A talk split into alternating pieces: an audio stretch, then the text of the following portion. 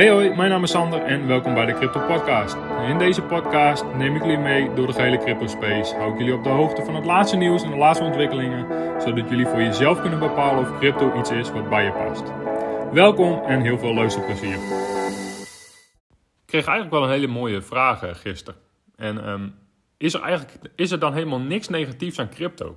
Eigenlijk is dat wel een hele goede vraag. Want ik ben heel veel aan het uh, vertellen over alle positieve kanten. En uh, waarom, je, waarom dit een kans voor de toekomst zou kunnen zijn. En misschien is het ook wel eens even goed om het te hebben over de eventuele negatieve, negatieve kanten van crypto.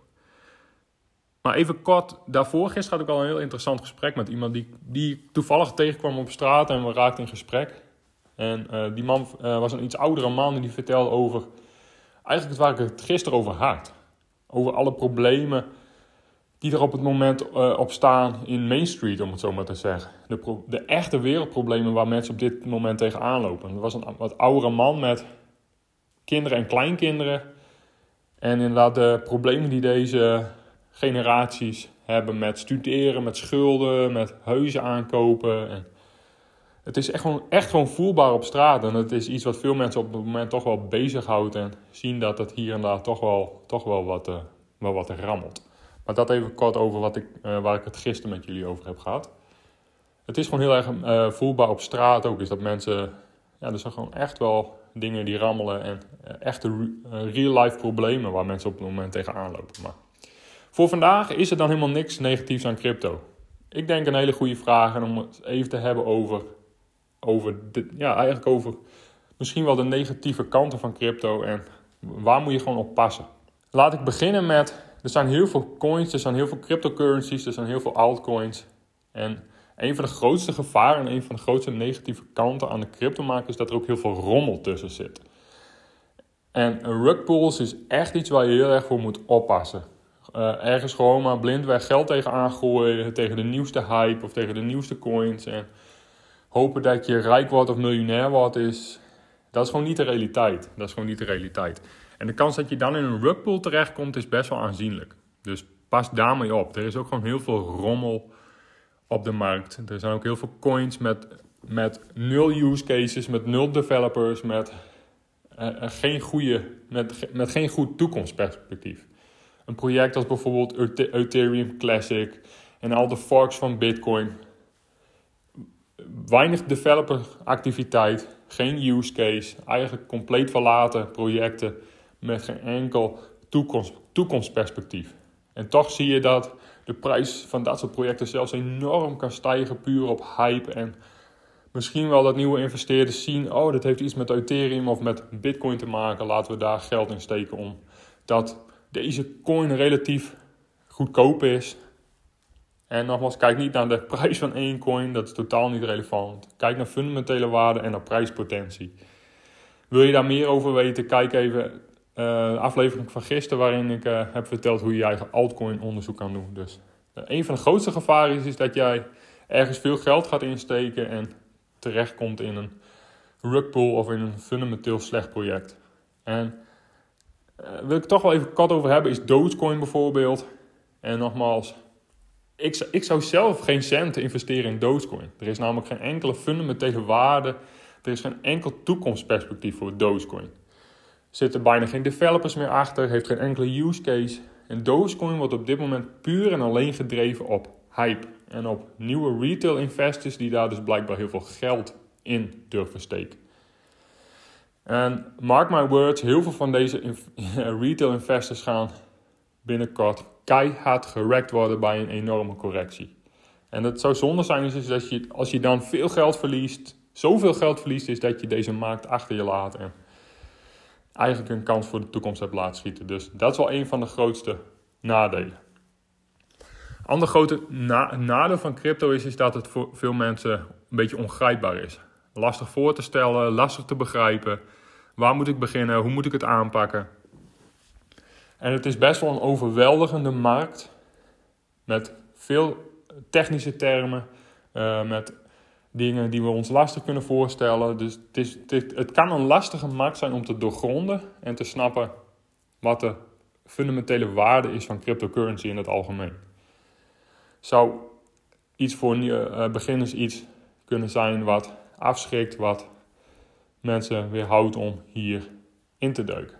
Ander grote nadeel, laat ik het zo zeggen, van cryptocurrency is de grote volatiliteit in de markt. Dus de grote pieken en dalen, de grote prijsschommelingen. Maar volatiliteit is de prijs die je betaalt voor de performance en voor de gains en de returns die je kan maken in deze, in deze markt. En ook fundamentele goede projecten maken soms gewoon enorme prijsstijgingen door. Uh, soms zijn er enorme correcties van 20, 30, soms wel 40 procent. Ja, dat, dat is wel pittige kost. Dat is wel pittige kost, zeker als je nieuw bent in deze markt. En om dan je emoties onder controle te houden, vertrouwen te hebben in, in je investeringen. En zeker als je nieuw bent en ook nog deze markt gaat traden, moet je helemaal oppassen. Dus uh, dat, dat, dat is wel iets om, om, om mee op te passen, uh, verstandig mee om te gaan. Anders kun je namelijk heel snel heel veel geld verliezen in deze markt. En dat, dat, dat zou ook weer zonde zijn voor de toekomst. Een ander nadeel uh, is, is als je deze markt niet goed uh, snapt of kan doorgronden of snapt hoe de cryptomarkt beweegt en waarom deze markt in bepaalde cyclies uh, beweegt, dan, dan ja, laat ik het zo zeggen, er gaan gewoon ook heel veel mensen heel veel geld verliezen in deze markt. En dat komt omdat als er straks heel veel media-aandacht komt, de mainstream media pikt dit op, er komt heel veel nieuwsaandacht, het sentiment, het sentiment op straat verandert. En neem van mij aan, als we straks over de zomer enorme prijsstijgingen hebben doorgemaakt en uh, op elk nieuws is te horen over Bitcoin en over cryptocurrency. Iedereen op straat heeft het over cryptocurrency en de potentie. En iedereen heeft het gevoel van we worden allemaal miljonair, we kunnen overal gewoon geld tegenaan gooien en rijk worden. Dat zijn de momenten om op te passen. En ik heb jullie al verteld over de cyclies uh, die, de, die, die de cryptocurrency maakte, uh, door, doormaakte. En dat Bitcoin en de hele cryptomarkt beweegt in vierjaarlijke cyclies van een bear en een bull market. Ja, en heel veel mensen gaan straks de fout maken door de top van de boelmarkt te kopen. En dan zijn, hebben we een blow-off top gaan we nou, iets wat magere jaren krijgen. En ja, als je dan hebt ingekocht op die top, ja, dan, dan ga je echt heel veel geld verliezen. In ieder geval. En, en dan gaan emoties de overhand nemen, ga je in paniek verkopen en gaan dat soort dingen een enorme rol spelen. En dan uh, zullen heel veel van dat soort mensen zeggen: zie, het is een scam, het werkt niet. Nee, dat komt gewoon omdat dat is hoe de markt beweegt. Dus het is wel belangrijk om niet de fout te maken om straks de top van de boelmarkt te gaan kopen. Gedreven door media hype, gedreven door het sentiment op straat. En neem van mij aan, als iedereen op straat het over heeft en iedereen denkt rijk te worden, dan moet je gaan oppassen. When there's blood in the street by, en wanneer het sentiment verandert in we gaan allemaal rijk worden, en, en naar euforie, dan moet je gaan oppassen en misschien al wel gaan kijken van waar zijn we in de markt en moet ik misschien al winsten gaan pakken en sommige coins helemaal verkopen. Dus maak niet die fout, lieve mensen. Koop niet de top van de boelmarkt. Verdiep je in de cyclies. Neem verstandige, goede beslissingen en dan, dan gaat het allemaal goed komen. Dan gaat het allemaal goed komen. Maar maak niet dat soort uh, cruciale fouten door straks de top van de boelmarkt te kopen. Ik kan het niet vaak genoeg zeggen. Pas daar maar op. Ja, dit, dit zijn, zouden gewoon een aantal nadelen van cryptocurrency kunnen zijn die, die nou, lastig te doorgronden, veel volatiliteit, grote prijsstijgingen en dalingen.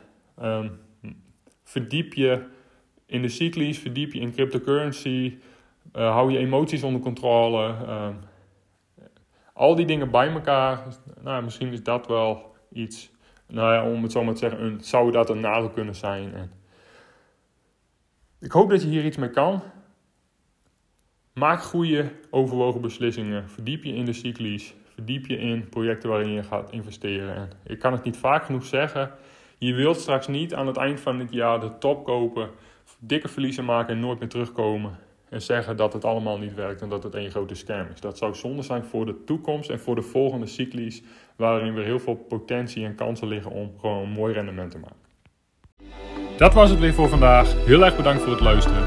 Heb je vragen of suggesties? Stel ze op mijn Instagram. Sander onderstreepje in een workout.